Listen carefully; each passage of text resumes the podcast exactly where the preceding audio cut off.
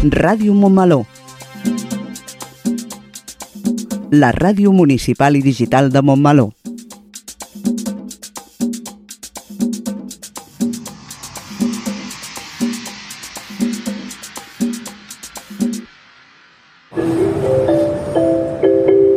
Propera parada, Montmeló.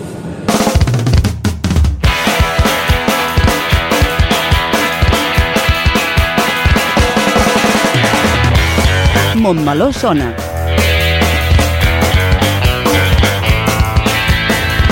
El magazín informatiu de Ràdio Montmeló.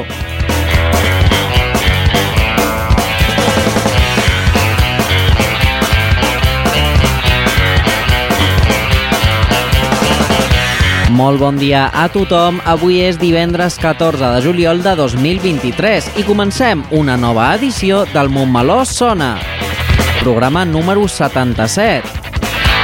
Esperem que ens pugueu escoltar bé sense que els vostres dispositius s'estiguin fonent, perquè ens trobem enmig d'una onada de calor que en principi i segons l'Agència Estatal de Meteorologia durarà fins a finals de setmana. Per això, abans de començar el programa, donarem un parell de consells per poder suportar la calor. Primer de tot, evita sortir de casa durant les hores centrals del dia, entre les 12 del migdia i les 6 de la tarda. Beure més líquid, sense esperar tenir set, sobretot aigua i sucs de fruita lleugerament freds. Evitar menjars copiosos i prendre verdures i fruites. També evitar menjars calents i begudes alcohòliques. Reduir l'activitat física. Descansar amb freqüència a l'ombra i romandre en espais ventilats o condicionats. Per últim, usar roba de teixits naturals, lleugera i folgada, de colors clars, barret, ulleres de sol i, important, cremes protectores solars. Feu cas de les nostres recomanacions i gaudiu del sol en la mesura que pugueu, amb un bon bany a la piscina o a la platja. Montmeló Sona és el magazín informatiu setmanal de Ràdio Montmeló, coordinat per l'equip de comunicació de l'Ajuntament. Avui ens acompanya la Maria Costafreda, el Toquem el 2, i la Lola Robles, al bloc de l'entrevista. I a la locució del programa tenim a la Mercè Bolart i un servidor, el Rubén Cantón. I una vegada fetes les presentacions, passem al sumari de continguts que tenim preparats pel programa d'avui.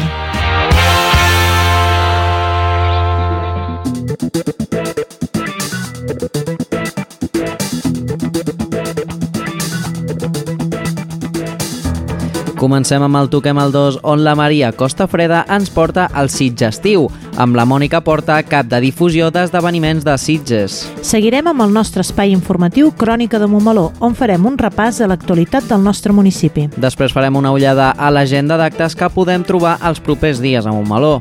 Tot seguit, la Lola Robles farà una entrevista al Vicente Guerrero, president de l'Esbar d'Ensaire, i la Sílvia Guerrero, component de la Junta. I acabem amb la secció de consum de la mà de l'Oriol Contreras, de l'Oficina Municipal d'Informació al Consumidor. I com ja sabeu, tot això i alguna cosa més és el que trobarem al Montmeló Sona d'avui, 14 de juliol de 2023.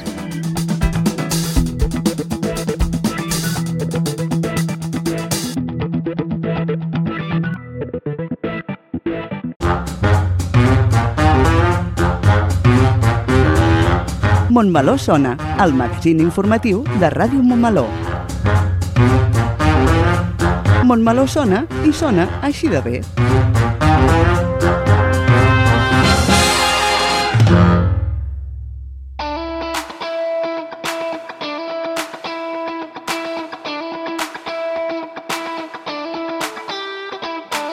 Al Toquem el 2 d'avui marxem cap a Sitges, on es celebra el Sitgestiu 2023 amb una àmplia oferta cultural en els museus de la ciutat, concerts i cinema, d'entre altres esdeveniments culturals en l'entorn de la Racó de la Calma i d'altres indrets de la localitat.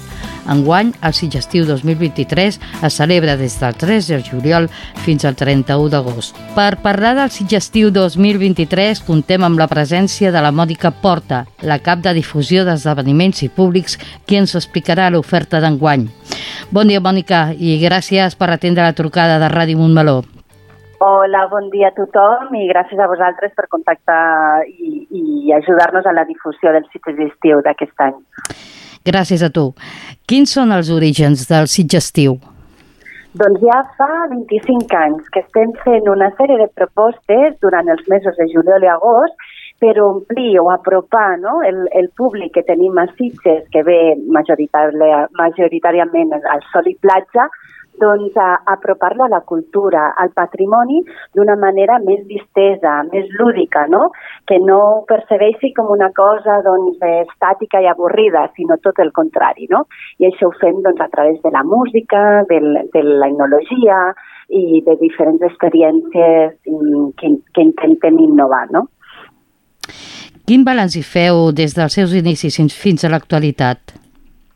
Doncs la veritat que molt positius, no? perquè des de, des de l'inici, ja són el, des del 98, que, que aquesta sèrie d'activitats primer van ser molt novedoses, no? com per exemple doncs, això que et comentava doncs, a, a través de la música, o posar una copa de cava en un claustre. No? En, en aquell moment no hi havia aquesta oferta a la, a la costa catalana, vam ser bastant, bastant pioners. No?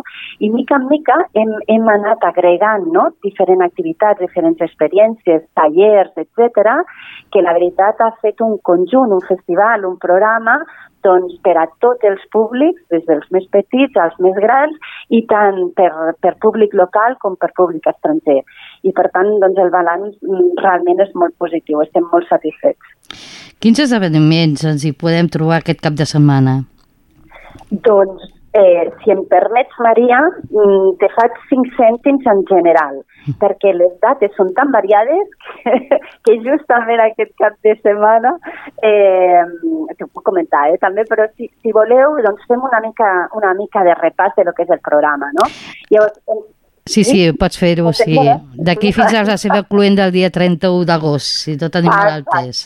Exactament, exactament. Mm. Doncs, per exemple, doncs això, tenim una sèrie de concerts que normalment se fan els dimecres al Racó de la Calma. El Racó de la Calma, per la gent que no ho conegui, és un, un espai màgic, no?, que està entre els museus i és com una placeta, no? doncs sempre corre la brisa, perquè estem molt, molt a prop del mar, és un altre atractiu dels nostres equipaments, no? la nostra ubicació, pràcticament a sobre del mar, i en aquest racó de la calma trobem música clàssica i, i és, és, és a través d'uns un, concursos que es diu Mirament Magrans que venen figures de primer ordre. Per exemple, tenim un tenor que està, que estan cantant en el Liceu, no?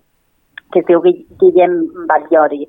Eh, per exemple, això els dimecres, no? Però després també oferim òpera, òpera de butxaca, que es diu, que és una òpera de petit format, i aquest any fem tosca. Això també és difícil de trobar fora, fora del Liceu, no? Una, una proposta com aquesta pels amants de l'òpera, que té molt èxit, no?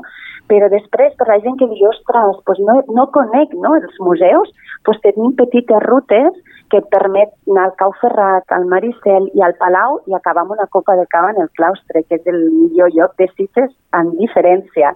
Després tenim eh, una sèrie d'exposicions i, com no, Picasso tenim aquest any, no? que és que commemora la seva, la seva mort. I llavors també tenim una ruta interior i exterior sobre, sobre Picasso aquí Sitges, no? que va deixar la seva, la seva empremta.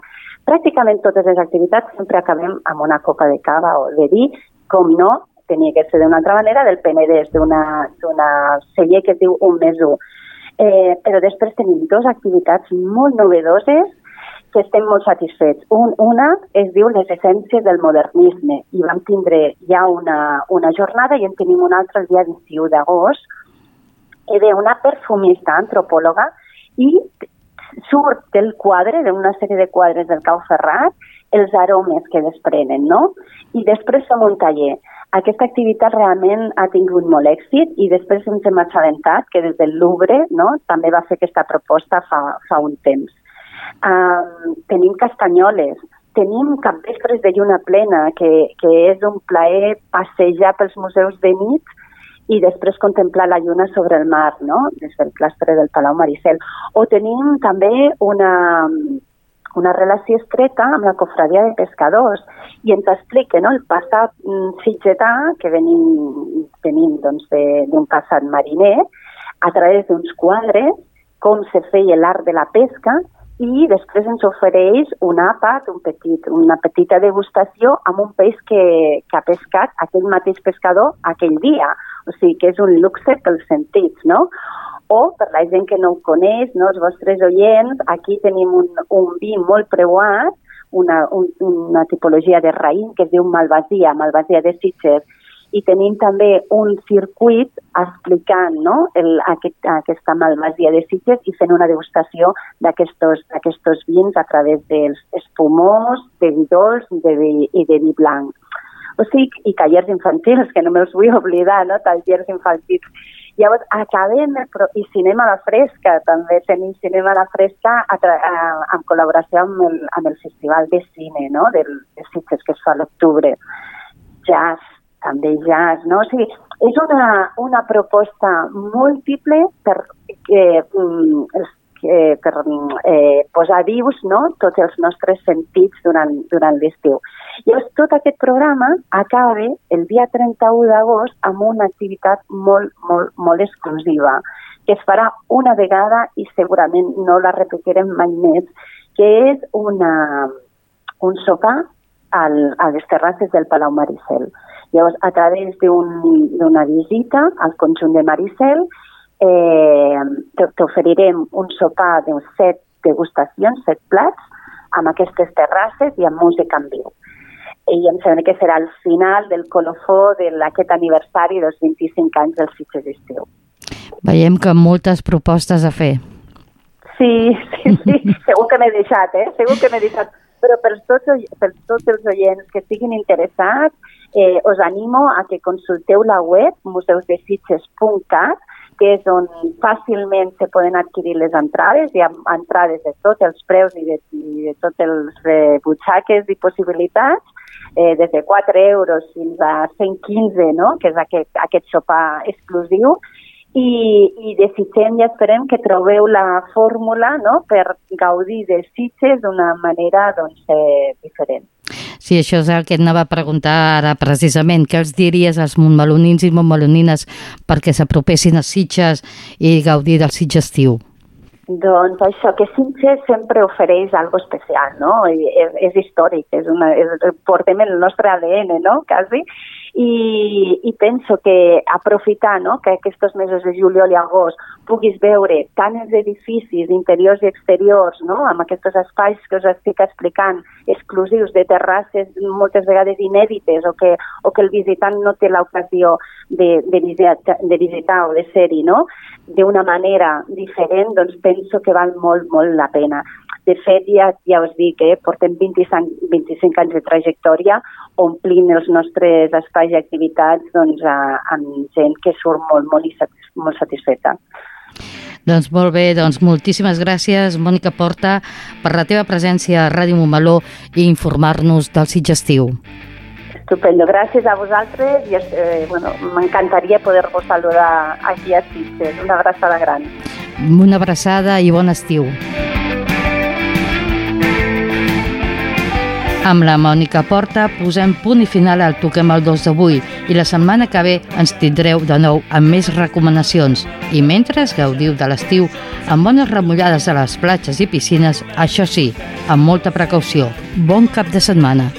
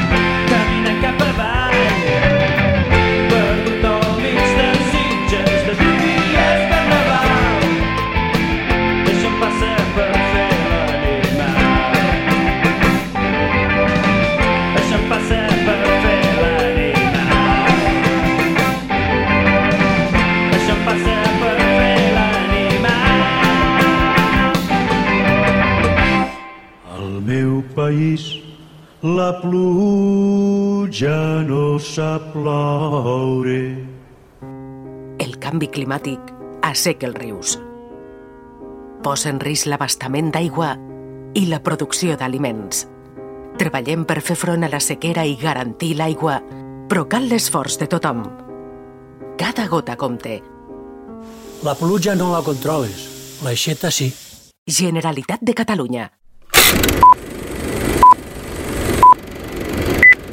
A Ràdio Montmeló tens una entrada per Micro i Acció, el podcast de cinema conduït per Aitor Guerra. Micro i Acció, cada dimecres a les 12 del migdia.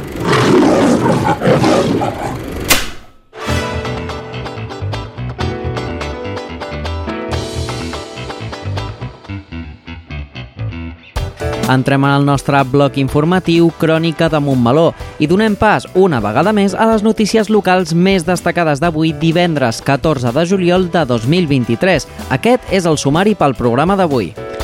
La vuitena festa de l'esport premia a quatre equips i a tres esportistes pels mèrits obtinguts durant la temporada 2022-2023. Cap de setmana esportiu i solidari a Montmeló, amb molta participació, 12 hores de futbol sala femení, torneig de chess padel i salt solidari a les piscines. Segueix obert el període de matriculació a l'Escola de Música i al Centre de Formació de Persones Adultes pel curs 2023-2024. Continua l'activitat formativa relacionada amb el món laboral a la G2M durant el mes de juliol. El Museu Municipal de Montmeló inaugura l'exposició pictòrica de Núria Fontanet amb el nom de El primer pas. Sobre la borsa de participació ciutadana de Montmeló, si tens més de 16 anys i vols participar-hi, apunta't i entraràs en el sorteig per formar part del Consell de Poble. Davant l'avís de l'episodi de calor intensa d'aquests dies, us insistirem en les recomanacions de protecció civil. I per finalitzar el nostre informatiu, tindrem el bloc de l'agenda d'activitats programades per aquest cap de setmana i el vinent a Montmeló. Comencem!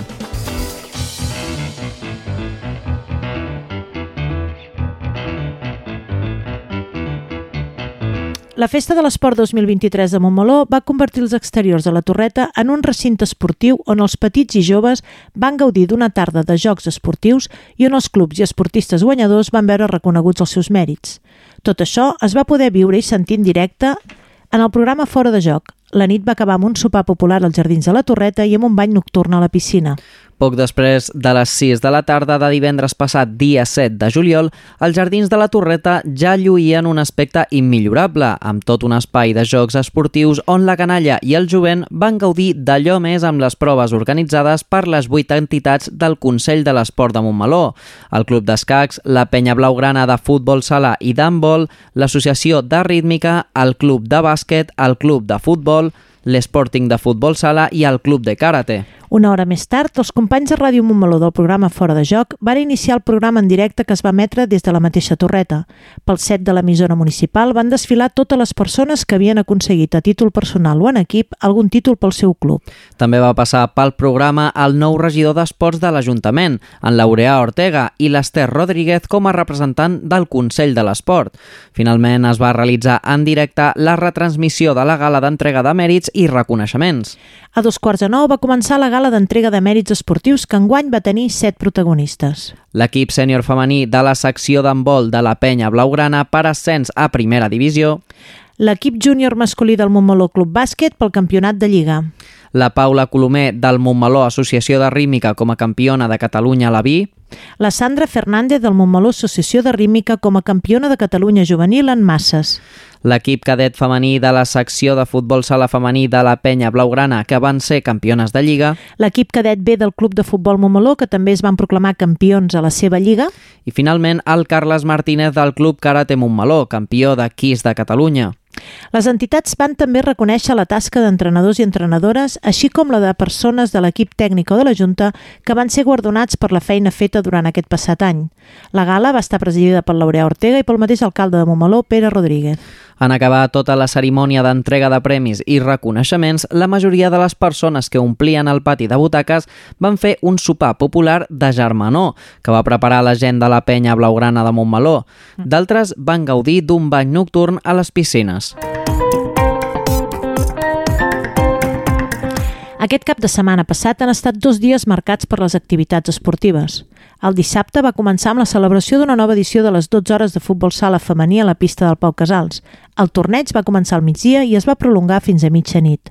Aquesta és la vuitena edició i en aquesta ocasió es va congregar a més de 50 futbolistes repartides en 5 equips. Totes elles van disputar una jornada sencera de futbol sala molt disputada i d'altíssim nivell amb jugadores procedents d'equips de primer nivell. A més, la final va ser molt igualada i es va haver de decidir a la tanda de penals. A la tarda nit de dissabte es va disputar la tercera edició del torneig de Chess Padel, que també va comptar amb una gran participació, especialment del públic més jove provinent dels escacs.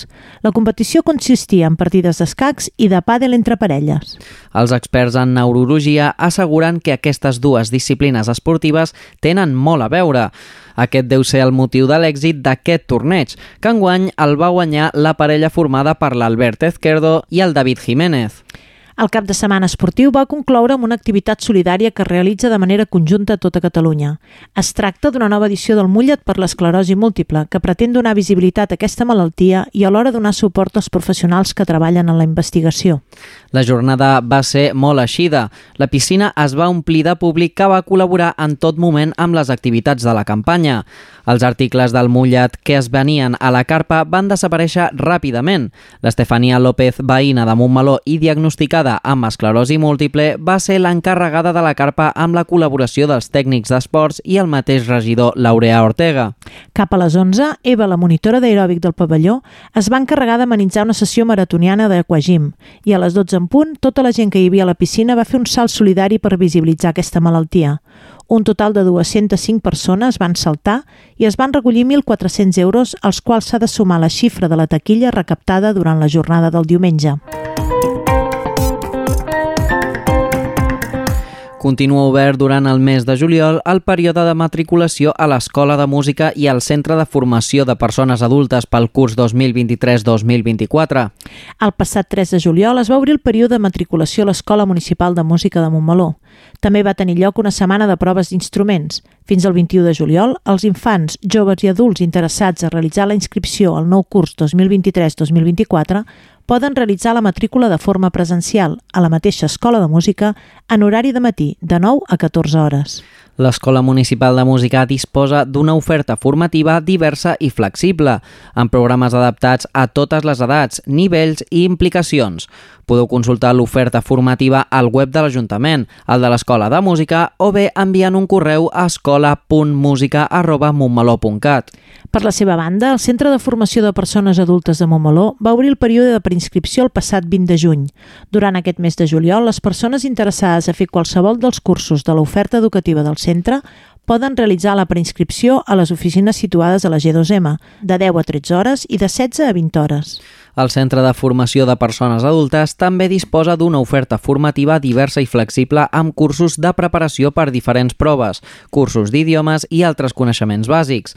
Trobareu tota la informació al seu web o trucant al 93 572 09 97. Tots dos centres educatius extraescolars tornaran a obrir les portes i un últim període de matriculació la primera setmana de setembre, després de les vacances d'estiu. Continua l'activitat formativa relacionada amb el món laboral a la G2M durant el mes de juliol, ja que el Departament de Promoció Econòmica continua oferint cursos, serveis i espais orientats a la formació laboral. A més de l'oferta habitual de promoció econòmica, com és el servei d'hora express, l'espai de recerca de feina i les sessions informàtica bàsica, durant aquest mes de juliol s'han programat a la G2M dos cursos i una sessió informativa. Des de finals del mes de juny i fins al dia 20 de juliol s'està duent a terme el curs Dàctic Mig, adreçat a les persones que ja havien superat el curs bàsic fet fa uns mesos. Els comerços de Montmeló participen aquests dies en un curs de tres sessions sobre Instagram per obtenir coneixement de com promocionar el seu comerç en aquesta xarxa social tan coneguda. I destinat al públic jove que durant el mes de juny van fer el curs de monitoratge, el passat dimecres 12 de juliol hi va haver una sessió informativa per conèixer el món del lleure, les diferents ocupacions dins d'aquest àmbit i les condicions laborals actuals. Promoció econòmica i els diferents serveis que s'ofereixen a les instal·lacions a la G2M tancarà les portes el 29 de juliol i tornarà a obrir l'1 de setembre per continuar oferint nous cursos formatius relacionats amb el món laboral. El Museu Municipal de Montmeló inaugura l'exposició pictòrica de la il·lustradora local Núria Fontanet Codina. Amb el nom de El primer pas, l'autora exposa una sèrie de pintures il·lustrades amb un fil argumental comú, l'ecologia emocional i l'ús de l'art. Aquesta exposició mostra part del món interior de la Núria, mitjançant la mirada de l'ecologia emocional i l'ús de l'art com a eina d'expressió lliure i inconscient un treball intens de més de dos anys de durada que va donar com a resultat un diari il·lustrat on mostra part de les seves reflexions, dubtes, certeses, fent ús de preguntes, metàfores i idees força.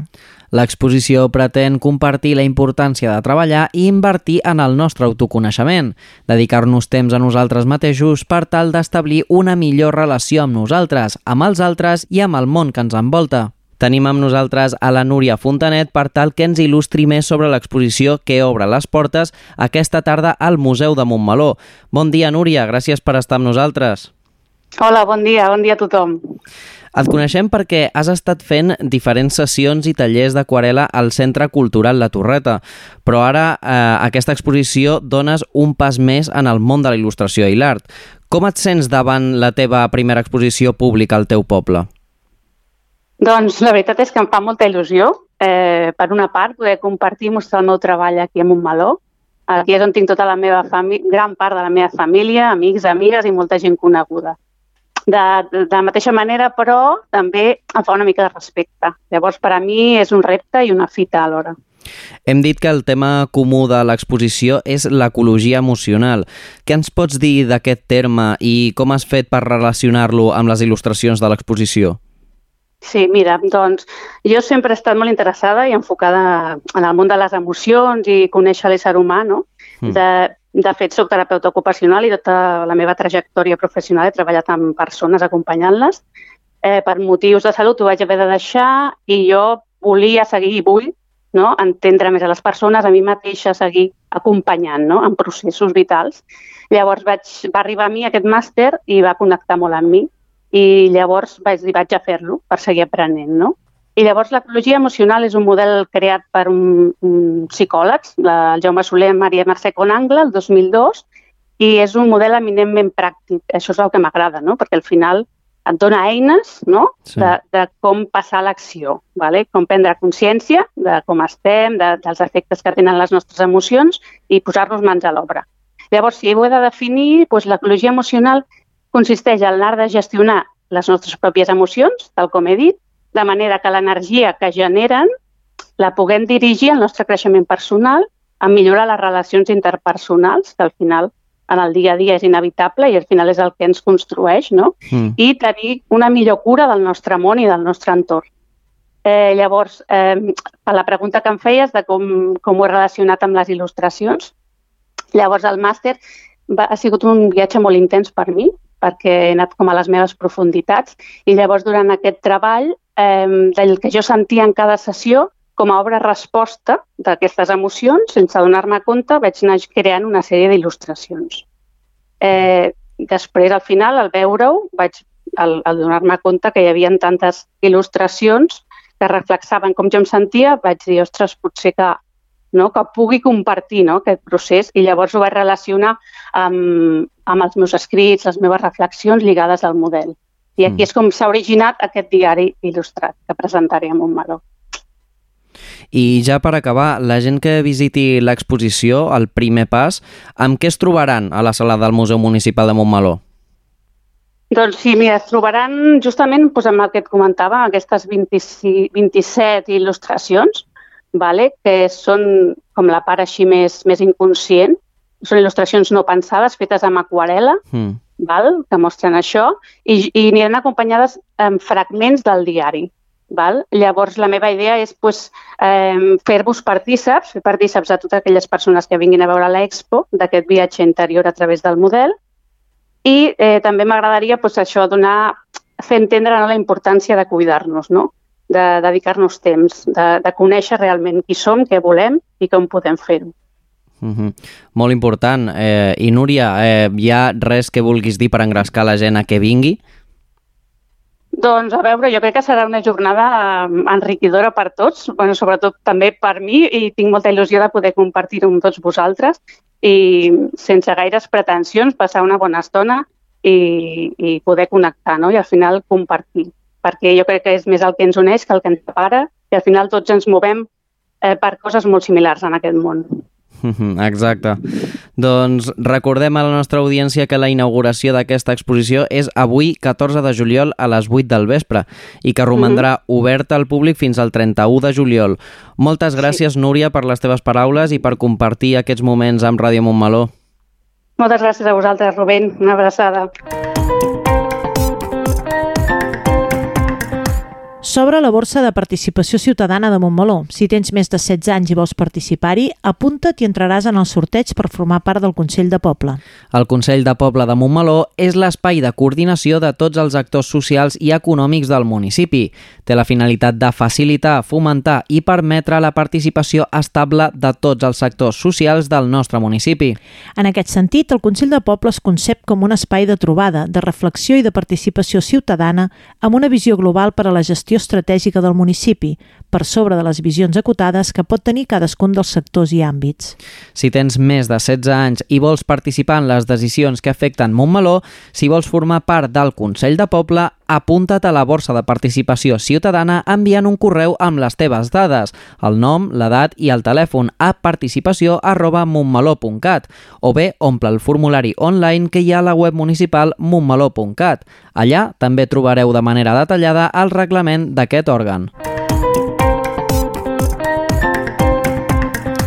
Acabem el bloc de notícies parlant del tema de la setmana que no és una altra que l'onada de calor que estem patint.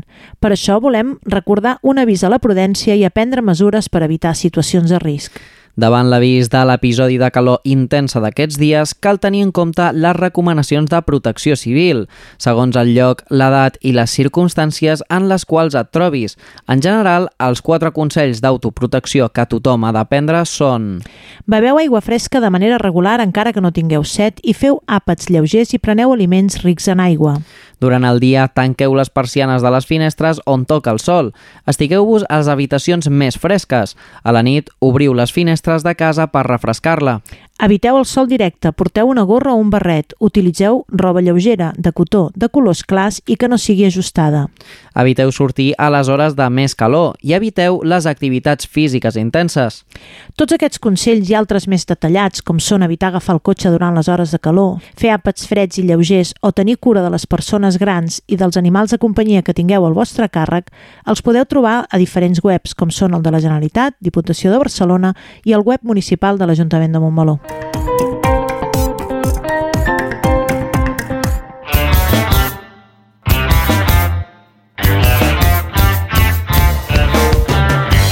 Iniciem el bloc de l'agenda d'activitats culturals des d'avui dia 14 de juliol fins al dissabte 22. Una agenda més curta del que és habitual, com a preludi al que serà el mes de vacances que ja s'apropa. Comencem per l'exposició de la qual ja hem parlat i que s'inaugurarà aquest mateix vespre al Museu Municipal. Com ja us hem explicat, porta per nom El primer pas i es tracta de la primera mostra pictòrica de la montmelonina Núria Fontanet i que compartirà amb el públic tota una sèrie d'obres del seu diari il·lustrat. Un viatge introspectiu que ens permetrà conèixer la visió d'aquesta artista sobre el món i l'art. L'acte d'obertura de l'exposició serà avui a les 8 del vespre al Museu Municipal i l'exposició romandrà oberta al públic fins al 31 de juliol, de dilluns a dissabtes de 10 a 14 hores, menys els divendres que obrirà de 17 a 20 hores. Demà dissabte, dia 15, s'inicia de nou amb un torneig de futbol sala a la pista del Pau Casals. Es tracta en aquesta ocasió de les 24 hores de futbol sala masculí. És el mateix format que la versió del torneig femení de la setmana passada, però en aquesta ocasió seran equips masculins i tindrà una durada de 24 hores, ja que el nombre d'equips és més ampli. Ja sabeu, si teniu un grup d'amics i voleu participar en aquesta edició de les 24 hores de futbol sala, encara sou a temps. El torneig començarà a primera hora del dissabte 15 i està previst que la final es jugui durant el matí o migdia del diumenge 16 de juliol. I finalitzem les activitats aquest cap de setmana amb un concert de música clàssica interpretada per un quartet de guitarres amb la guitarrista Andrea Barato al capdavant. Aquest concert forma part de les activitats a les nits d'estiu a la Romana. La gent amant de la música en general i del so de les guitarres en particular tenen una cita demà a les 8 del vespre al jaciment de Mons Observants. Quatre guitarres interpretaran temes de Bach i d'altres clàssics de la música. Un espai idíl·lic per veure com es pon el sol amb música. Aquesta activitat té un preu de 5 euros i podeu fer la reserva de la vostra entrada a través del web monsobservans.cat o en el correu museu arroba o també a través de la web d'Entràpolis. I arribem així al dissabte dia 22 i gairebé al final de l'agenda d'activitats. I ho fem parlant de nou del cicle de nits d'estiu a la Romana, que tancarà una edició més amb el clàssic Convivium. Qui no ha sentit parlar d'aquesta activitat que se celebra anualment al jaciment de Mons Observants? Es tracta d'un sopar d'estiu teatralitzat i replicant el que eren els àpats de la Roma clàssica. Durant la batllada se servirà beguda i menjar basat en el receptari del Ferran Adrià de l'Imperi Romà, el primer gran xef d'Occident, Apicius. A més, s'explicarà cadascun dels plats que se servirà a la taula. El Convivium té un preu de 20 euros i també podeu fer la reserva a través del web d'Entràpolis. És tota una experiència que us sorprendrà. Recordeu, a partir de les 8 del vespre del dissabte 22 tindreu l'oportunitat de degustar els plats de l'antiga Roma al jaciment de Mons Observants. Tot això és el que ens espera a Montmeló durant els pròxims dies. Ah, i no us oblideu que diumenge 23 tenim una festa de la democràcia, ja que són les eleccions generals. Podeu exercir el vostre dret a vot als diferents col·legis electorals, de 9 a 20 hores. Doncs tot això i algunes coses més les podreu veure, sentir i llegir a les xarxes municipals, al web montmeló.cat o a l'agenda mensual. La setmana vinent tindreu més notícies i activitats al nostre municipi. Salut i guardeu-vos de la calor.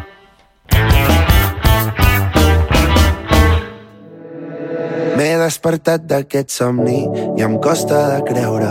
Han passat tres dies i tu ja no hi ets. Quin estiuet més idíl·lic. I ara no et puc veure, no pujaràs més fins que arribi l'hivern.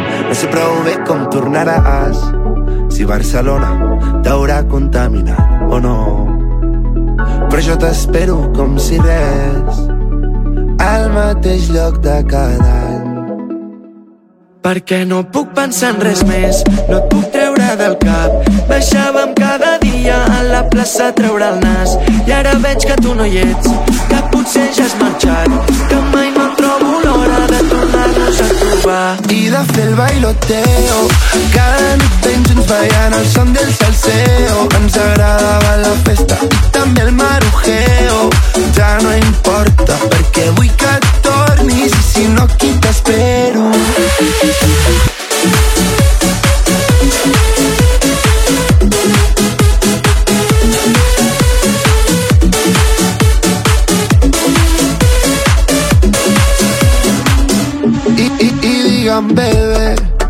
Ja són masses dies en els que jo et penso. M'agradaria olorar la teva pell. M'agrada poder viure amb ganes de tu i de fer el bailoteo. Cada nit ben junts ballant el son del salseo. Ens agradava la festa i també el marujeo. Ja no importa perquè vull que tornis i si no aquí t'espero. Passar-me la vida amb tu per trobar-te el teteo. Que cada vegada em diguis que ballem junts a teo. Abans del jangueo, que fem al parquineo. Ja no importa i si no aquí t'espero.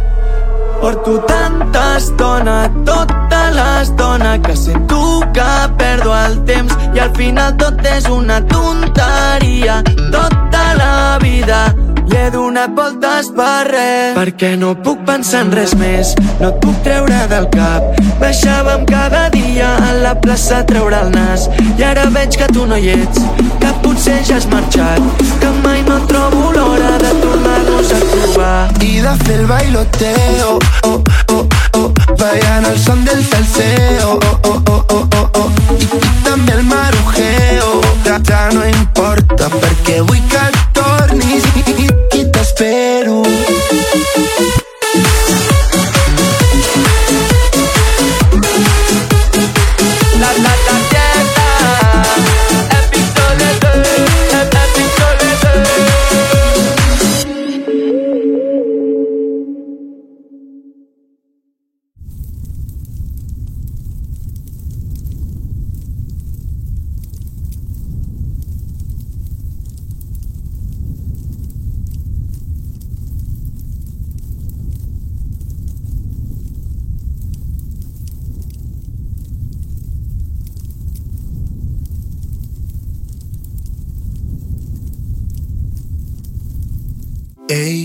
som-hi ja.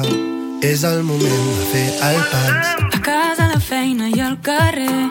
Quan anem de festa o al taller. Parla'm amb el teu accent. Només hem de començar. Va, provem-ho en català. Tu per mi i jo per tu. I quan vulguis tots plegats. Molt per parlar, molt per Provem-ho en català. Molt per parlar, molt per viure. Generalitat de Catalunya. Sempre endavant.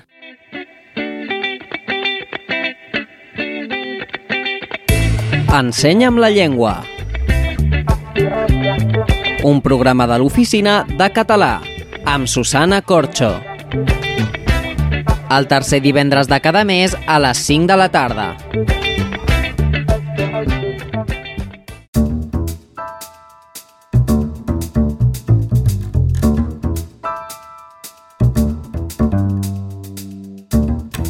Aquest mes de juliol dediquem l'apartat de l'entrevista del Montmeló Sona a parlar amb algunes de les entitats locals. Ho iniciaven el passat divendres amb divertiment i avui és el torn de l'Esbar d'Ensaire de Montmeló, que fa unes setmanes recuperava el seu festival després d'uns anys d'aturada. Per parlar sobre el seu funcionament, contem amb nosaltres amb Vicente Guerrero, president, i Sílvia Guerrero, component de la Junta. Bon dia, com estem? Bé, Buena tarde, sí. Buena bien, tarde, todo ¿no? muy bien. Eh, primero de todo, eh, aunque es difícil que no conozcan a Les Bardansaira, pero para quien nos esté escuchando y no sepa quiénes sois, ¿cómo os presentaríais? ¿A qué os dedicáis? ¿Qué hace vuestra entidad? Bueno, pues mira, actualmente ahora solo tenemos baile flamencos y sevillana. Cuando yo empecé por el año 1984, pues había todo tipo de bailes regionales, incluso bastones, grupos de gitana ¿eh? y, todo lo que era el esbar d'ensaire de Montmeló, bailes regionales catalanes, y nos dedicábamos a eso. A mí me dijeron de entrar y de verdad que ha sido todo un todo éxito porque me ha gustado muchísimo desde primera hora que entré. Fíjate, te estoy hablando ya, pues mira, son, me parece que son 37 o 38 años, ¿no? Desde el año 84 entramos un grupo de amigos y a primera hora no entré en la Junta, pero al poco tiempo ya entré en la Junta. Y desde entonces, pues hasta ahora, ¿no?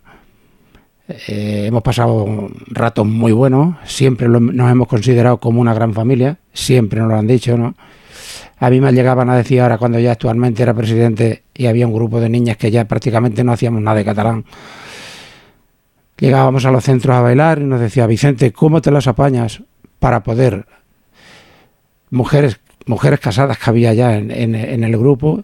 Te hablo, te hablo de 17 y 18 mujeres que iban en el grupo bailando. ¿no? La mitad de los sitios no cabíamos. Y me decía, ¿cómo, las, ¿cómo te puedes, desde de- ocho años que las tienes, cómo puede ser que tenga? Pues digo, mira, digo, sobre todo respetarla. Digo, a una niña se le puede hablar de una manera y a una mujer con- adulta hay que hablarla de otra, ¿no? Y estamos encantados y ellas con nosotros pues igual. Y ese yo creo que ha sido el éxito de- del SBAR de siempre, ¿no? Saber, saber cuándo es una niña y cuándo es una mujer que se puede hablar de una manera o de otra, ¿no? Y nosotros, por te digo que siempre nos hemos considerado una gran familia y me decían eso, ¿cómo, cómo es posible que puedes aguantar las niñas con 30 años y casadas algunas? y Digo, algo tendremos. Era la- éramos la envidia de, todos los centros que íbamos por aquí, desde luego. Porque decía, dice, no hay un grupo como vosotros que tengáis 17 o 18 niñas bailando en el mismo grupo. ¿eh? Había la pedrera pequeñita de, aba- de abajo, pero siempre el, el soporte grande, 16, 15, 16, siempre había en el grupo. Y eso es, es de valorarlo y, y aparte yo me siento muy orgulloso desde que entré y por eso estoy aquí. Y por eso es el detalle que no me gustaría que se perdiera el SBAR. Y más, yo se lo digo a ellos, ¿no? Digo, miré con una satisfacción muy grande, no sé si será este año o el año que viene, pero quiero que se quede como yo lo empecé, ¿no? Con la misma ilusión y si posiblemente, pues mucho mejor, ¿no? Porque, eh, ¿cómo nace el Esbar Dansaira? ¿Cuándo nace y un poco cuál es la trayectoria, eh, la evolución de la entidad hasta, hasta la actualidad? Sí, pues mira, em- empezamos, como te estoy diciendo, en el año 84.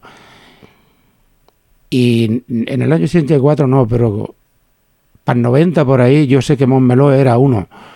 de los pueblos de la comarca del Valle que más entidades tenía culturales y deportivas, de, o sea, de toda la comarca del Valle, ¿no? Y mira, empezamos, como te digo, con poquita poca, con cuatro trapos, porque no teníamos ni, ni, ni perras para comprar. Sí, sí que había muchísimos socios los que no hay ahora, ¿no? Que entonces eso llevaba muy bien, porque aunque era la cuota muy baja, pero había ciento y pico personas. ¿Eh? Y entonces eso se lleva bien. No es como ahora que ahora tenemos, pues mira, las 25, no somos más de 25, pero te quiero decir que todo eso cuesta mucho llevarlo y empezamos con eso, con el portaviviente, hacíamos las carrozas. Hasta hace ahora en Fiesta Mayor se ha hecho el aperitivo, me parece que era el no sé si era el 30 aperitivo ya de Montmeló, ¿no? Nosotros hemos llegado a hacer hasta 25. Cada año nos recuerda, ahora hace 4 o 5 años que no lo hacemos, ¿no? Porque requiere un trabajo muy grande, ¿no? La fiesta mayor no, no existía para nosotros, porque entre ir a comprar la elaboración que hacíamos nosotros, que ahora la echan de menos la gente, hombre, ¿cómo no estáis? Pues mira, porque tiene mucha faena. Nosotros veníamos aquí a, la granja que la hacíamos casi siempre a las 6 de la mañana el día de, el día de, el día de antes comprando. Y a las 6 de la mañana aquí para hacerlo, porque había que hacerlo en, vivo y en directo, como se dice, ¿no? Hacer la frituría o lo que tengamos que hacer por la mañana y luego llevarlo a las once y media a la, a la torreta donde se, el montón de puestos que había, ¿no? Y es lo que te digo, nosotros hemos hecho hasta 25 aperitivos. Carroza, pues todos los años hacíamos carroza, todos los años. Hasta que empezaron a comprarse las, los módulos estos que se hacen y ya vienen hechas. Nosotros siempre hemos colaborado, siempre, siempre. Porque llega un momento que bueno, todo evoluciona, ahora se hacen de otra manera las carrozas. Y el aperitivo, lo que te digo, el otro día me lo dijo la Ana Inse, digo, Vicente, ¿cómo no vas a hacerlo? Digo, mira, lo sentimos mucho, digo, pero nosotros, primero la Junta, todas ya no estamos. ¿eh? Y entonces, ya hace dos atrañas que dejamos de hacerlo por eso, porque tiene mucho trabajo y, hay que darle vidilla. Dice, pues, nos falta gente, nos falta gente. Digo, yo sé que cuesta mucho, ¿no? Porque, ¿Por qué diríais vosotros que ha ido decayendo un poco la, la entidad? ¿no? Mm, Porque cuesta encontrar gente que, pues quiera, que quiera seguir eh, tirando de ella. A mí, a mí me, bueno, en la parte mm, de junta, te lo voy a decir, pero en parte de, de los niños la pasa igual. A mí me lo dijo un día la, la Mercedes Bolea. Dice Vicente, los niños creo que están demasiado saturados para mí. En tantos sitios. Nosotros nos está pasando con las collas hay mucha gente, muchos niños que entran y a los tres días se cansan. Y no es, no es a nivel nuestro solo, porque nosotros, claro, nosotros nos vamos manteniendo con la gente mayor que hay, ¿no? Pero lo que nosotros lo queremos que ahora está puesto un, dos semanas y mira, hoy es, ¿no? Hoy, hoy hacen, hoy y el jueves hay una, bueno, un, intensivo que se hizo la semana pasada, se hizo de, de adultos de, flamenco y de sevillanas y, esta semana se hace con niños. Y em, bueno, y ahí como en, respondiendo a la pregunta ¿no? que, habías, que habías dicho, y es verdad lo que, lo que dice, lo que dice Vicente, ¿no? Voy a decir Vicente para no decir mi padre, ¿no? Que queda mejor decir Vicente. Eh, han sido años difíciles porque también ha habido muchos cambios y la sociedad ha cambiado y la pandemia ha hecho mucho daño porque bueno porque la pandemia también provocó que hubo estábamos a las puertas de un festival que finalmente no se pudo celebrar. En ese impasse hubo gente que se borró. En el tiempo que hemos estado también han pasado diferentes profesoras en el en el grupo eso también genera, genera dinámicas diferentes porque cada profesora es un estilo y quien ha vivido muchas profesoras, que yo he vivido unas cuantas, pues con todo el mundo no te adaptas igual, ¿no? Pasa, bueno, son personas y, aunque tengan un estilo de flamenco también es un estilo de persona.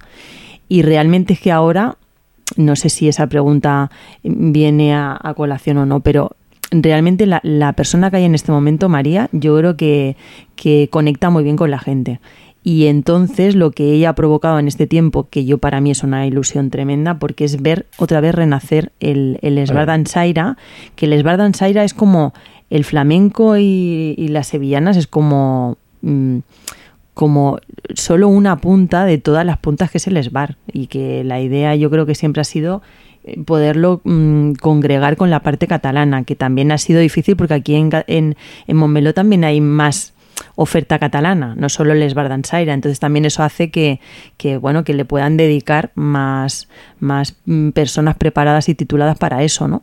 Pero en cuanto al flamenco, eh, bueno, pues poco a poco incluso los niños pequeños se van acercando, ¿no? Porque también ha habido una época, eh, es, es, de, es de minorías, el flamenco es más de minorías, pero, pero poco a poco la gente se va acercando ¿eh? y a mí me hace muchísima ilusión que hoy eh, vaya a haber intensivo de niños porque hay niños ahora que tienen ganas de bailar y eso, bueno, eso, eso sí que hace renacer una formación. Es lo que más cuesta. Porque actualmente, ¿qué tipo de actividades hacéis?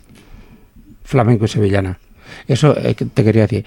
Cuando la Duló dejó la entidad, nos vamos a plantear por qué sigue el nombre de la y eso, ¿no? Cuando la Duló deja la entidad, pues un día allí en la plaza nos quedó sorprendido porque ella quería plegar, pero no nos avisó. Y entonces, claro, dijo, el SBAR se ha acabado. No, el SBAR no se ha acabado. Las personas nos vamos, pero las entidades quedan, ¿no? Nosotros nos acordamos que entonces era Salomón el presidente y nos quedamos, ¿no? A ver, hay gente, por ejemplo, que intentó, podemos hacer el cambio de, de, del SBAR y nosotros acordamos entre toda la Junta que no, que nosotros queríamos llevar el nombre del SBAR tanto por si venía alguna profesora que siempre estábamos abiertos para aprender bailes regionales como siempre habíamos hecho, pues no queríamos cambiarle el nombre a la entidad. Nosotros queríamos ser el Sbar Danzaire de Momeló, con su ballet flamenco ahora, que se llama, y ya está. Pero no cambiarle el nombre a nosotros. Hay algunos que dijeron, ¿por qué no lo cambié? Digo, ¿por qué no? Porque entonces no sería el SBAR. Y el SBAR comenzó en el año 1984, ¿eh? es que están sus papeles, y queríamos seguir adelante con, con, con, con el, el, mismo nombre. nombre. Que y ya está, con la misma filosofía que empezamos con la entidad, y ya está. Y ese fue el caso, ¿no? Porque, ¿cuál es la finalidad del SBAR? Es decir, eh, ¿dónde creéis vosotros que radica su importancia? ¿Por qué es importante que Montmeló tenga una entidad como esta? Hombre, porque yo creo que, que siempre la ha tenido, siempre ha tenido, y creo, creo que nosotros estamos luchando para eso. Porque en su, día yo ya lo dije, digo, no, no, nosotros no vamos a plegar, nosotros vamos a continuar con la entidad. Que, que tenemos opción de tener gente, alguna profesora que baile bailes regionales y, se pueden llegar, como estuvo en su día los bastones, que estuvieron en nuestra entidad, eran de nuestra entidad, pasa que se deshicieron y plegaron, ¿no? Había un grupo de bailes gitanas que también bailábamos, que hay en el libro ese que te he dicho, están todavía allí en la plaza de la, de la Quintana, bailando, y, y, esas cosas, ya te digo, y cuando nosotros empezamos a bailar sevillana, pues fue en eso, cuando se inauguró el hogar extremeño de Montmeló, que entonces estaba el señor Agudo, me parece que era el primer presidente que hubo en el hogar extremeño, y allí empezamos a bailar con la Duló todavía, todavía actuar, y allí se empezó a bailar las primeras sevillanas delante de la puerta que se montó la tarima en, la misma, en el medio de la calle, ¿no? Y desde entonces, ya te digo, eso es lo que y, y, por eso creo que creo que, que, somos una entidad que estaba, está y creemos que tiene que continuar. Y yo creo que, que también, o sea, ver, porque hay, hay por ejemplo, la, la parte del ESBAR, el, que es la parte que se mantiene, es la parte mm, de la parte flamenca de sevillanas, ¿no? Y yo creo que también representa lo que es el ciudadano y el pueblo de Montmeló, ¿sabes? Que al final es un pueblo mmm, eh, donde acoge diferentes culturas. culturas. diferentes maneras de sentir. Bueno, pues también en su momento estaba, como ha dicho, el hogar extremeño que, que no está. Lamentablemente no está, porque al final eso lo que hace es enriquecer un pueblo sí. y que exista una variedad donde, donde, bueno, puedas participar de diferentes formas. Es difícil que has preguntado antes, es difícil el, eh, la continuidad también de entidades, es muy complicado porque realmente como ahora es verdad que hay tantas actividades para los niños wow. ya extraescolares y dentro de los colegios, que encontrar un, un, espacio donde alguien quiera salir de ese entorno es difícil, ¿eh? sí. pero no imposible, porque yo creo que la gente también se cansa. O sea, decir, al final... Mmm, requieres como algo diferente y a lo mejor ese algo diferente pues ahora en este momento pues también lo puede compaginar eh, el SBAR, ¿sabes? O sea, porque sí que sí que es sorprendente que haya tanta gente interesada ahora en, en cuestión de después de pandemia, que después de pandemia ha costado también arrancar, ¿no? Me imagino que ahora debéis estar un poco en un proceso como de reinventarse, mm. ¿sería eso? Sí, Sí, porque, porque también la, la, el hecho de cuando viene también una, una profesora que viene con ideas nuevas, con otro, con otra renovación, con otra eh, inquietud, pues, pues claro, a partir de ahí se forjan muchas, muchas actitudes. Ella, realmente ella el año pasado, el anterior, te decía que con el tema de la pandemia ha sido un poco complicado, pero hacía también clases solo de castañuelas eh, o clases de técnica, o sea, es que introduce a lo mejor conceptos que son diferentes, que a lo mejor en otro momento no hemos tenido, porque solo de castañuelas no se ha hecho, se han Sí. hecho clases de sevillanas, o clases de rumba, clases, pero solo de castañuelas, entonces para quien quiera solo aprender a tocar, ¿sabes? Entonces, mm, bueno, va introduciendo eh, nuevas, nuevas opciones y, y bueno, y, y- y también hay gente que, que sorprendentemente, pues que no, que no nos conocía, porque como también ahora tienes que actualizarte y los medios de, de llegar a la gente no es solo en papel, ¿no? Como traemos aquí el papel, sino que es pues el Instagram, el Facebook, el tal, pues todo eso también hace que. ¿no? Las cosas modernas que hay ahora. Ah, Hace unas semanas eh, volvíais a recuperar vuestro festival, después de unos años ¿no? sin, sin, sin hacerlo. Eh, ¿Cómo fue la experiencia? Maravillosa. Fue muy bonita porque no habíamos... Mi- Mira, solo, solo el escenario ya nosotros teníamos que tirarnos por la mañana, por la mañana, desde por la mañana montando el escenario. Y ha sido tan bonito este año, por eso la tecnología va muy, muy bien para unas cosas y, y para otras lo mejor va mal, pero para esta sobre todo. Esa pantalla puesta ahí, sin tener que hacerle nada al, escenario, lo bonita que quedaba, con el fondo de los bar delan- delante, precioso, una, una de las cosas que más me gustó.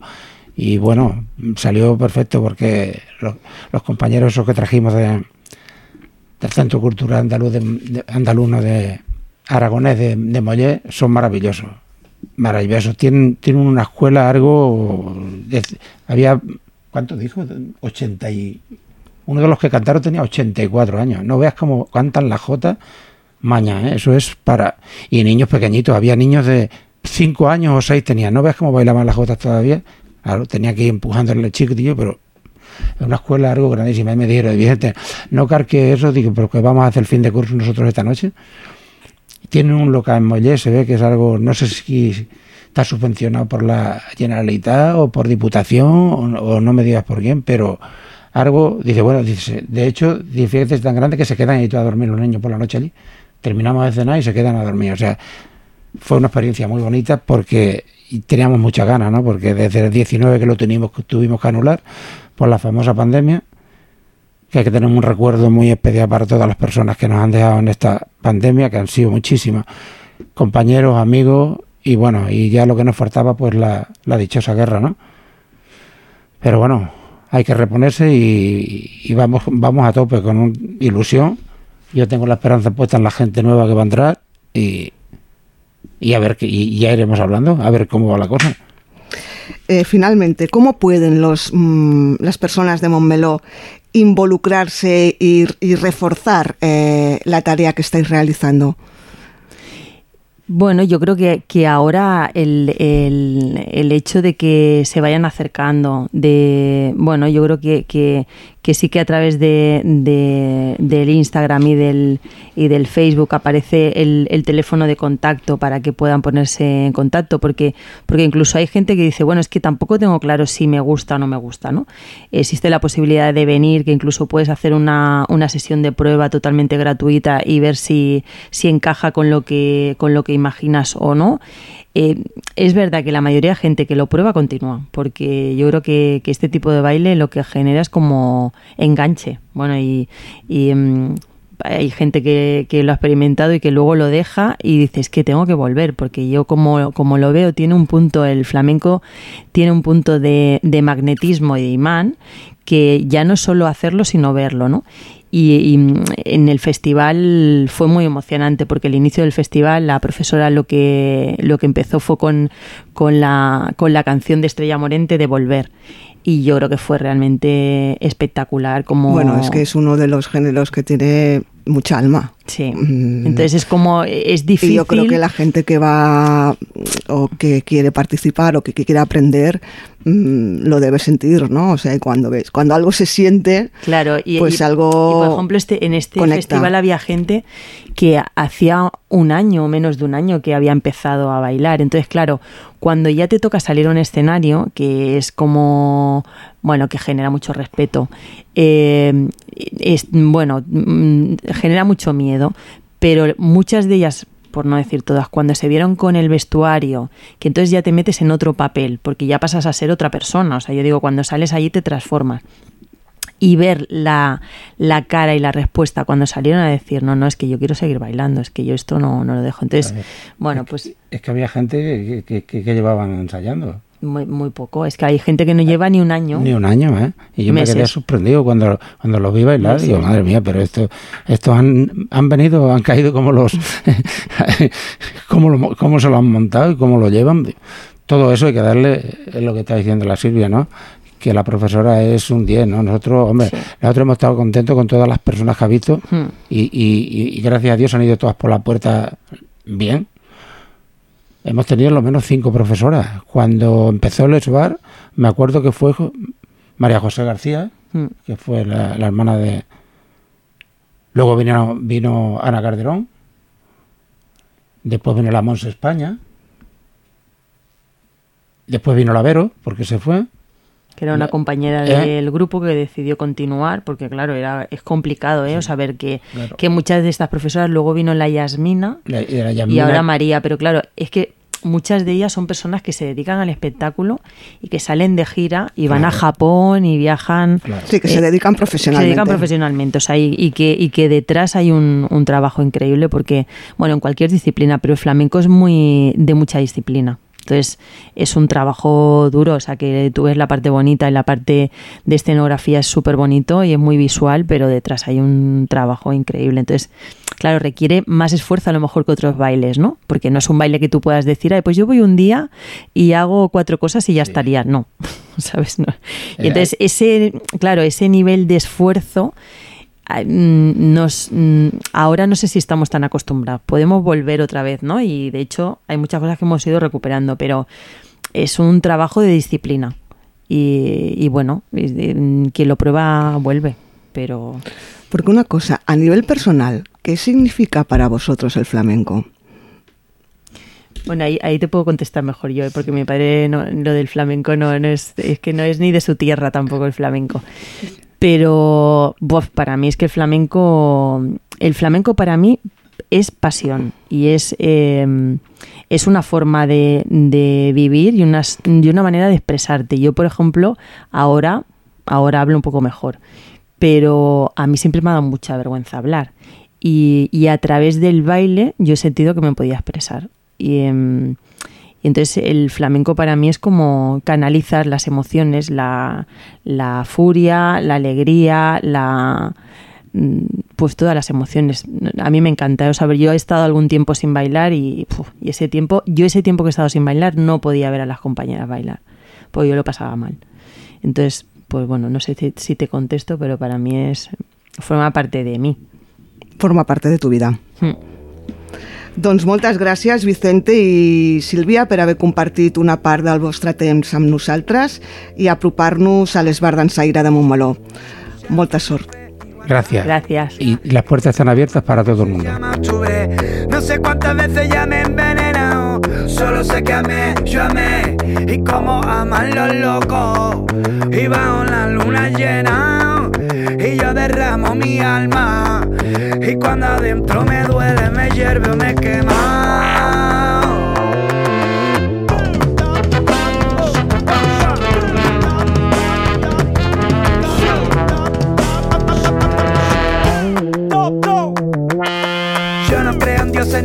No me representan.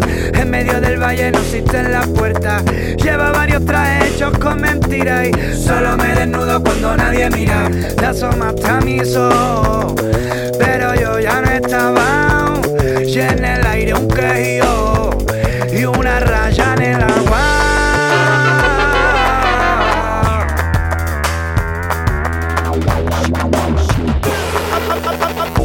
Yo el tiempo mientras tanto me hice viejo y te la cara en el cristal.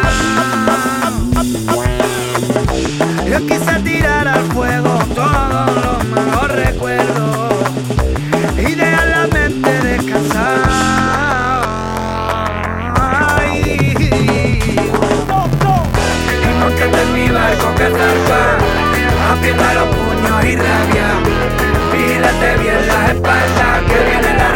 cualquiera te mata. Montate en mi barco que zarpa, aprieta los puños y rabia. Vigílate bien las espaldas, que viene cualquiera te mata. Hoy te voy a cantar tango de la rata zanga, la que saben más que los monos de Gibraltar. Te clavan por detrás la navaja oxida y hasta las muelas de plata te las quieren arrancar. Los matojos, hay que tener siete ojos. Vuelan bajo los pájaros negros, con ellos no camelo. Te voy a vacunar con mi veneno, que sabe gallina y canela corta con romero. Yo vengo de la isla, de la isla de Kingo, de gorila perdido, flamenco flamingo. Dale bonito guillo a ese ritmo bandido. Esto es como chupar un sapo amarillo. Huerga de noche, huerga por el día, bailar por bulería, tu braga tendría su prima. No te vayas de la vera mía, que a tu calle vamos a reventarle las esquinas. Montate en mi barco que zarpa, aprieta los puños y rabia. Pílate bien las espaldas, que viene la rata y cualquiera te mata. Montate en mi barco que zarpa, aprieta los puños y rabia. Pílate bien las espaldas, que viene la rata y cualquiera te mata. T'imagines un lloc on descobrir, on explorar? Un lloc on llegir, aprendre i compartir? Tot això i molt més a la teva biblioteca. La Diputació de Barcelona i els ajuntaments posem al teu servei 228 biblioteques i 10 bibliobusos per apropar-te a la cultura i el coneixement. bibliotecavirtual.diva.cat Diputació de Barcelona.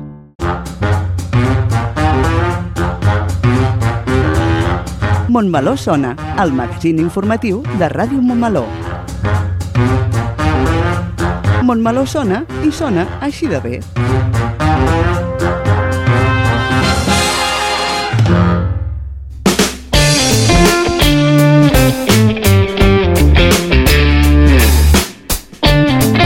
I tenim amb nosaltres al Montmeló Sona un cop més a l'Oriol Contreras de l'Oficina Municipal d'Informació al Consumidor. Hola, bon dia. Molt bon dia a tothom.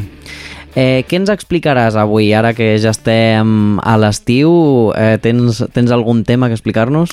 Home, és evident, no? Ara ve l'estiu, contractem molts més eh, viatges, contractem molts més hotels, eh, estances, eh, bitllets d'avió, oi? Això és una mica la, la diferència amb la resta de l'any, perquè eh, no ens enganyem, durant l'estiu també se segueix consumint la, la, la resta de productes que fem durant l'any. Mm. També mm, tenim problemes de llum, de gas, és a dir, això, com que ho seguirem tenint igual, li afegeixo no, doncs, la possibilitat de que tinguem algun entrebanc doncs això, amb algun viatge, amb alguna reserva, qüestions relacionades amb eh, més pròpies de les vacances. I clar, quan se succeeix un problema, ja sigui una companyia aèria per pèrdua de maleta, per cancel·lació, per retras, quan eh, l'hotel previst no ens dona el servei que ens havia de donar, quan, eh, bueno, des d'un ja et dic, un transport, però sobretot a l'hotel, o una activitat, perquè a vegades em, em venen amb reclamacions que són més pròpies d'activitats d'estiu, no? però alguna activitat tampoc doncs ha resultat tal com nosaltres pensàvem o havíem contractat, el que s'ha de fer és reclamar. Mm. I el senyor, que sóc jo, a l'agost fa vacances. no moltes setmanes. De fet, aquí només eh, tanquem tres setmanes. La primera d'agost encara estem treballant, no? Mm. Però, clar, pràcticament això passa durant l'agost, per tant, ens Clar. ho trobarem al setembre. I és molt important, i cada estiu ho dic, aquí a tots els ajuntaments on treballo, que la gent vingui amb la reclamació feta, prèvia. Mm, No val o no hauria de valdre venir només, pues, jo què sé, amb el bitllet d'avió i no haver reclamat la companyia, Vale. Amb la reserva per internet de l'hotel que no ens ha prestat el servei sense haver presentat el full de reclamacions oficial. Parlo si ens movem en zona eh, Espanya o comunitària. Si te'n vas a Taiwan, jo aquí ja és molt més difícil, a part que no podríem reclamar, no? Mm. Però dintre de la majoria de viatges, no?, o, o d'activitats que es fan aquí, no?, a territori nacional, demanar el full de reclamacions, val? perquè això serveix per l'estiu i per tot l'any, per totes les botigues, per totes les activitats, des d'una entitat bancària. Tots tenen el full oficial de reclamacions. Per tant, en el moment que no tenim un acord amb aquell empresari, amb aquell botiguer, amb aquell hotel, amb aquell empresa en general, hem de demanar el full de reclamacions.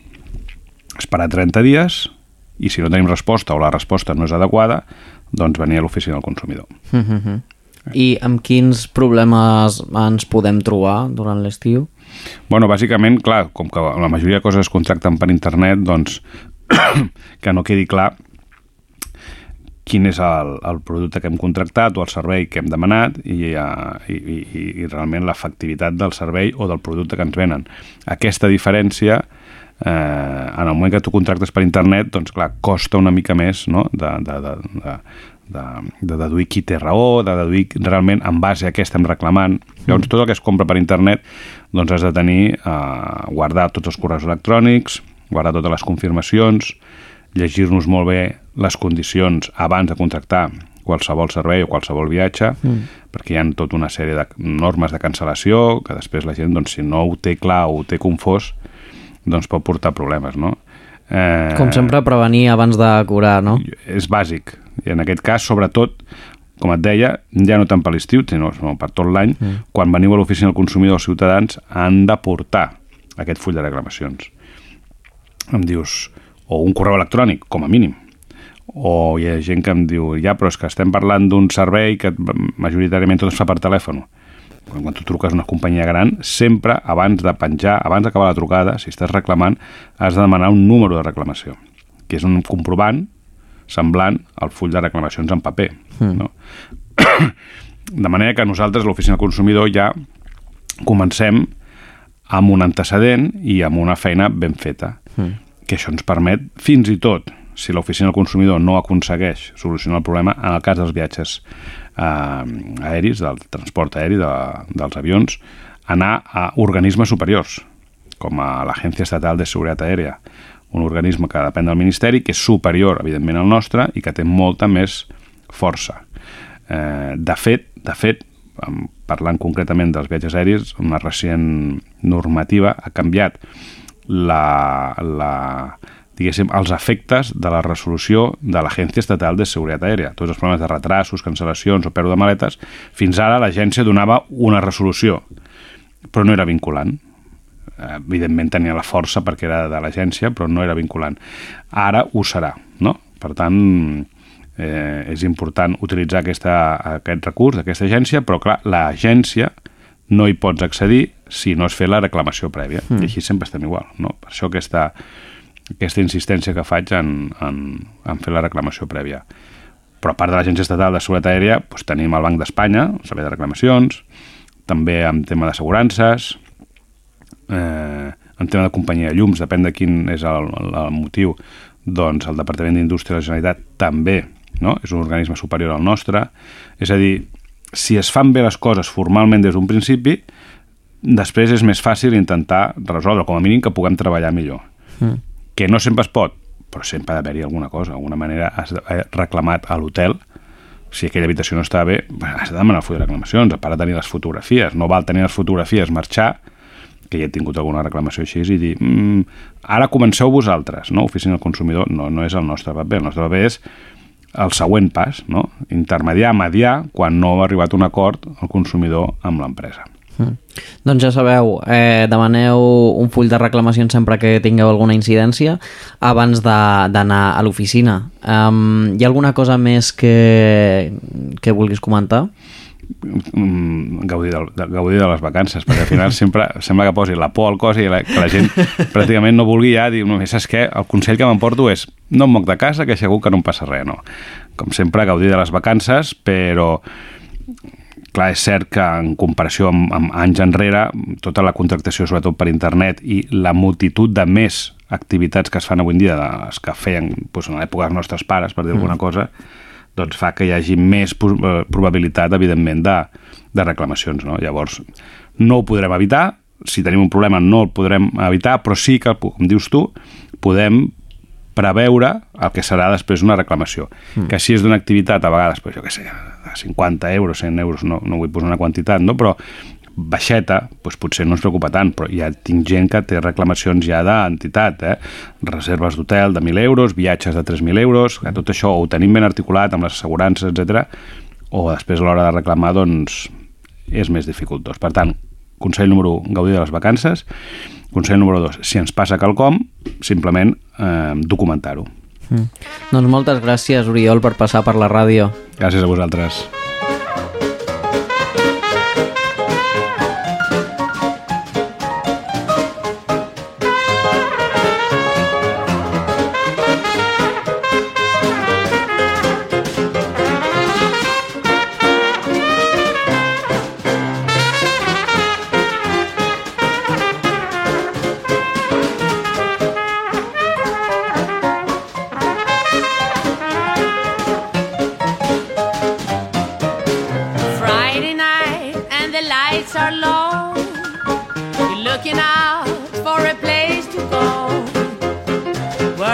The right music, where they get in the swing, and you look for the king. Anybody could be that guy.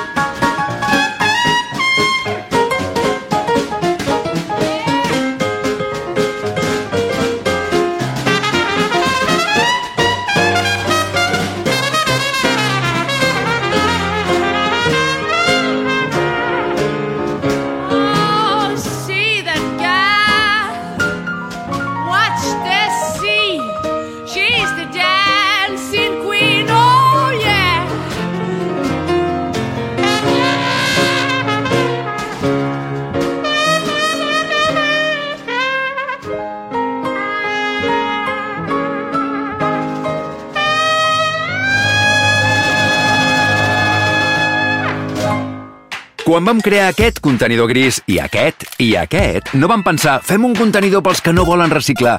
No, amics i amigues, aquí no hi diu contenidor pels que no volen reciclar. Aquí hi ha una R de rebuig o de resta. I s'hi llença allò que no es pot reciclar, no allò que et fa mandra reciclar. És a dir, les ampolles, pots i flascons de vidre que llences al gris no van al gris, i ho saps, van al verd. Ciutadania, empreses, institucions, reciclem bé, separem bé. Generalitat de Catalunya. 7 milions i mig de futurs. 15 són 15, 15, 15, 15, 15 són 15, 15, 15 són... 15 són 15. El programa de la Biblioteca Municipal La Grua. El dia 15 de cada mes a Ràdio Montmeló.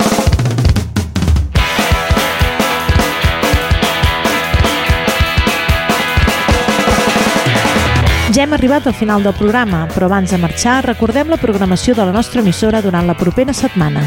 Dilluns 17 estem d'estrena. Durant les últimes dues setmanes de ràdio que queden abans de les vacances, els joves del casal d'estiu de Montmeló passen per la ràdio. No us perdeu els dos programes especials d'estiu amb el nom El Casal a la ràdio. Dilluns 17 i dilluns 24 a les 5 de la tarda. Dimecres i 9 a les 12 del migdia tindrem el penúltim programa de Micro i Acció. El programa de cinema de l'Aitor Guerra diu adeu a la nostra emissora fent un repàs aquest any i mig, parlant de les notícies d'actualitat cinematogràfica més destacades, de la cartellera d'aquest estiu i de l'elefant a l'habitació. I per últim, divendres 21 tornem amb el Montmeló Sona, el programa que esteu escoltant. A les 12 del migdia podreu sentir les notícies més destacades del nostre municipi i entrevistes per conèixer les entitats que enriqueixen Montmeló. I amb tot això marxem, però com ja és costum, us volem recordar que podeu contactar directament amb l'emissora si teniu qualsevol idea, suggeriment o opinió mitjançant el nostre correu radiomó.montmeló.cat o a través del telèfon i WhatsApp 637 150 702. Molt bon cap de setmana a tothom, guardeu-vos de la calor, beveu molta aigua i recordeu que Montmeló tornarà a sonar divendres 21 de juliol de 2023 a les 12 del migdia.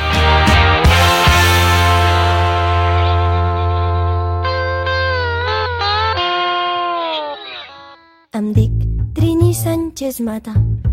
M'agrada el meu nom, el primer cognom i sobretot l'altre. Tothom em diu que sóc guapa. Si no, pobres d'ells, els torço els turmenys i em quedo tan ampla. Tampoc no sóc tan violenta. Pego però lo just. Quan tinc un disgust, sóc de sang calenta. I qui digui que m'ho invento ja pot tremolar. Mata ve de matar. Mi apellido lo llevo dentro. Com tots els nens petits, tenia molts amics, però era molt estrany. Només amb 7-8 anys em prenia tan a pit els meus jocs preferits que vaig perdre els companys. Vaya jocs, vaya enganys. Jo era molt bona nena, m'encantava jugar a matar mestres, quan matava algú, sempre em feien crits. Quan era adolescent. El meu cercle de gent tampoc no era molt gran, tothom sortia pitant, tenia un pretendent, amigues confidents, però clar, tenien grans i els vaig anar matant. Jo sóc molt bona amiga, recordo totes les dates de defunció dels meus amics i sovint em poso nostàlgica recordar els seus últims crits em dic Trini Sánchez Mata però em diuen Trini Trini la que mata. Jo faria tot pels altres. Qui vols que assassini matar a mi m'encanta. Després per no estudiar em vaig voler casar. Vaig triar un bon marit ric, guapo i eixerit i me'l vaig estimar tant, tant que el vaig matar d'amor a mitjanit en plena acció allí nit de noces inoblidable en aquell hotel de l'Estartit l'endemà tothom somreia perquè durant la nit havien sentit crits. Sí, ja em podeu fer crits. Jo mato els meus marits però jo vídua de tants faig pencar els capellans sóc vídua d'homes rics de forts descarrancits de joves i de grans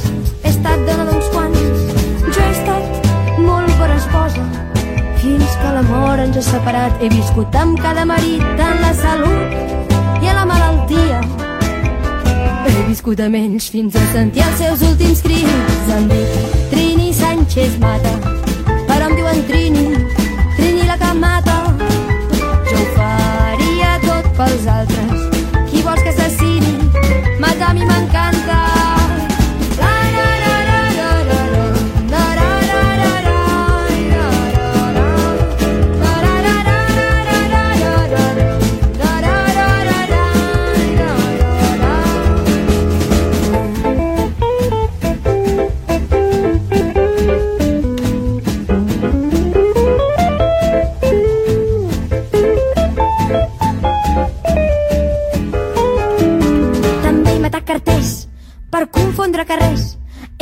traficants que em volien per fer espans. També alguns banquers quan no tenia diners. Psiquiatres, comerciants i càrrecs importants. He matat catalans, russos, grecs, italians. N'he mort de tot el món, també un de Camprodon. Uns quants americans, xinesos, mexicans. I ara sabeu on són! Vivint a l'altre món. Em dic Trini Sánchez Mata,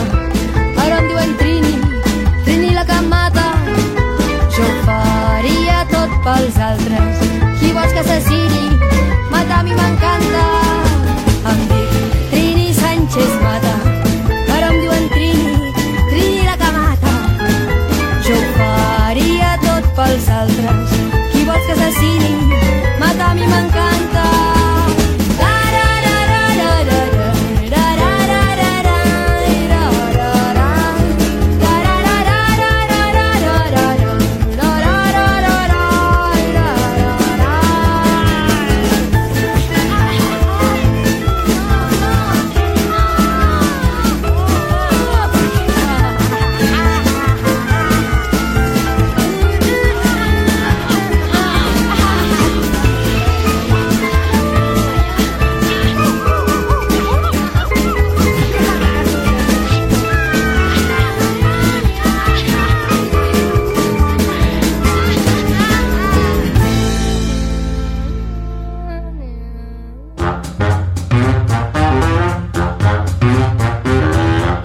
Montmeló sona, el magazín informatiu de Ràdio Montmeló. Montmeló sona i sona així de bé.